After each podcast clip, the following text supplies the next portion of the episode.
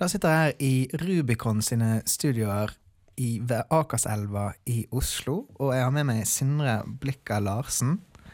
Du er standup-komiker og driver podkasten Blikka Blysja Show, som du spiller inn i dette veldige studio. Velkommen. Jo, takk for det. Du har jo vært interessert i humor ganske lenge. Du intervjuer komikere, og du er standup-komiker. Hvor kom denne interessen ifra? Uh, jeg tror det er bare en sånn tidlig del av eh, oppdragelsen med at det var, liksom, var sånn revy på TV og alt sånt det. Uh, og jeg, når jeg begynte å parodiere Olof hjemme overfor mor, og hun syntes det var hysterisk at jeg sa de der faste sitatene hans, uh, så merka jeg at det var kanskje noe mer driv i det. Og så når vi hadde sånn drama på barneskolen, så lagde jeg veldig mye skue av meg sjøl og fikk så mye latter fra hele klassen. da. Det var liksom klassens klovn. Så det var kanskje noe som bare lå latent gjennom hele livet. da. Så du fikk liksom de 10 000 timene det tar for å bli ekspert i løpet av eh, oppveksten på, i klasserommet og på Ja, kanskje. Jeg har iallfall fått de 20 timene til å gjøre noe akseptabelt. eh, Du eh, har holdt på med Blikka Blysja-show i to år. To år neste uke, faktisk. Oi, jubileum. Mm. Hvordan begynte denne podkasten? Hvor kom ideen til å lage en podkast ifra? Jeg visste jo at det kom til å bli ei greie i Norge eh, lenge. Jeg visste bare ikke når, så jeg ville prøvd å være før den der store bølga. da.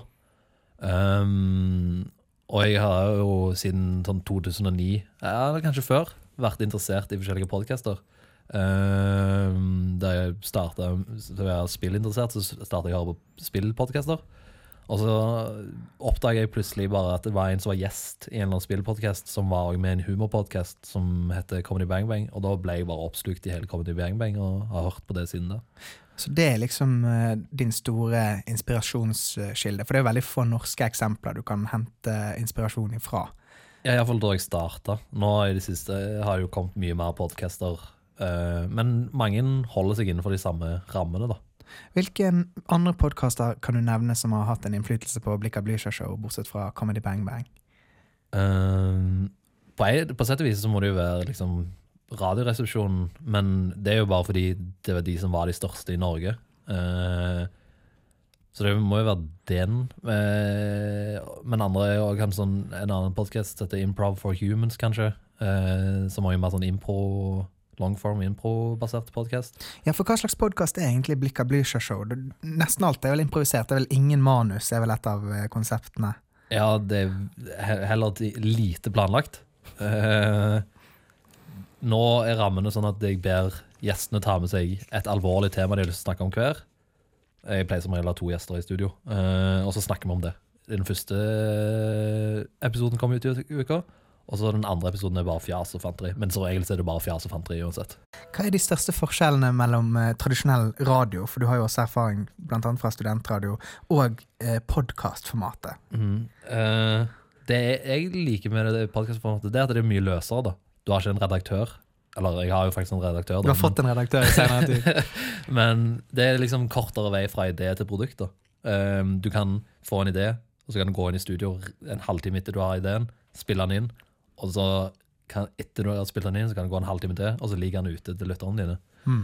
Um, så, så det er mye mer ærlig, da. At det er hele veien, og det er det lytterne som bestemmer hvor um, hva som blir en suksess og ikke. Uh, nå er det ikke en redaktør som sitter på toppen og sier sånn er dette er det vi satser på, så derfor traff vi heldigvis med Radioresepsjonen.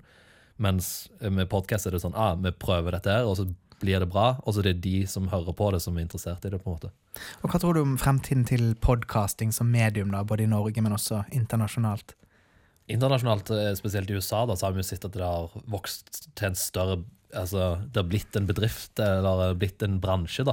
Eh, og ikke bare en, en bransje som er liksom, du tenker som en liten, kompakt bransje, men en stor industri, nærmest. Eh, der det er der eh, forskjellige podkastprodusenter investerer millioner av dollar i forskjellige podkaster for å um, ta over og drive på markedsføring. Sånn. Så det har jo blitt noe som greier. Altså, når Barack Obama var på WTF eh, med Mark Maron, så eh, WTF jeg mener, Ja, uansett. Eh, så ser du jo òg at det, når en verdensleder er på en sånn podkast, så det også, setter det òg et preg på at OK, det har faktisk blitt en så stor greie. da. Så du er veldig optimistisk, med andre ord. Ja, det bare et spørsmål om tid. Tid altså, Sist gang jeg så, så er det vel 10% av Norges befolkning som hører aktivt på podcaster i uka.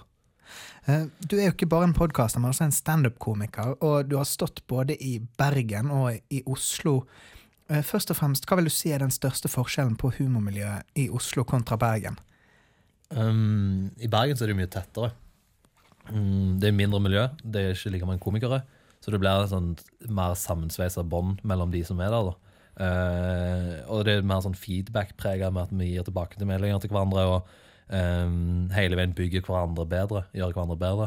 Um, når jeg ikke har sett så veldig mye igjen i Oslo, da, selv om det er jo mer sånn gjengbasert, for å si det på den banale måten der, med at det er liksom noen som er mer fiksert på den type humor, og du ser liksom mye mer ja, sammensetning av gjenger. da. Uh, så kanskje ikke så, så samla.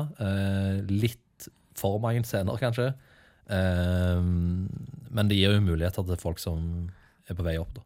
Og for studenter der hjemme som eh, higer etter å utforske standup-miljøet i Bergen, hvor, eh, hvor drar man? Hvilke konsepter er verdt å få med seg? Nå denne uka så har de jo på Riks så har de jo Comedy Fight Club, som er veldig spennende. Eh, jeg er ikke med der denne gangen, eh, men eh, det baserer seg på at de skal skrive nye tekster i løpet av pausen. Så du får jo helt ferskt materiale i løpet av det. Og folk som har vært med på det tidligere, sånn som Christian Mikkelsen, han bruker de tekstene fortsatt den dag i dag. da. Så det, det, det er noe jeg vil fått med meg. Både på torsdag og fredag så er det jo Comedy Fact Club, og det er en helt unik opplevelse. da. Og hvis du skal nevne noen standup-komikere i bergensmiljøet som er verdt å holde øynene på, er det noen du vil eh, heve fram? Ja, nå har jo mange flytta hit til Oslo, da. Eh, men de som er liksom de som er større på vei opp, eh, som jeg respekterer veldig og liker humor til, så er det jo sånn, har du jo de som er med i studentradioen her, Markus, Markus og Koppen, Sjur og Ole. De er veldig flinke, de, de gjør det veldig bra. Um, og så har du òg Eirik Krokås. Det er vel de som er liksom de større navnene som uh, er liksom på vei opp. da. Hans Magne Skar er òg en av de som er verdt å få med seg. Og Jan Tore Kristoffersen, absolutt. Men han er òg en litt større enn de andre. da. Da vil vi bare oppfordre deg, kjære lytter, til å sjekke ut uh, Blikka Blysja Show på iTunes, og like siden på Facebook. Og uh, sjekk ut Comedy Fight Club på Riks. Tusen takk for at du kom, Sindre. Hjertelig takk for at jeg kunne komme.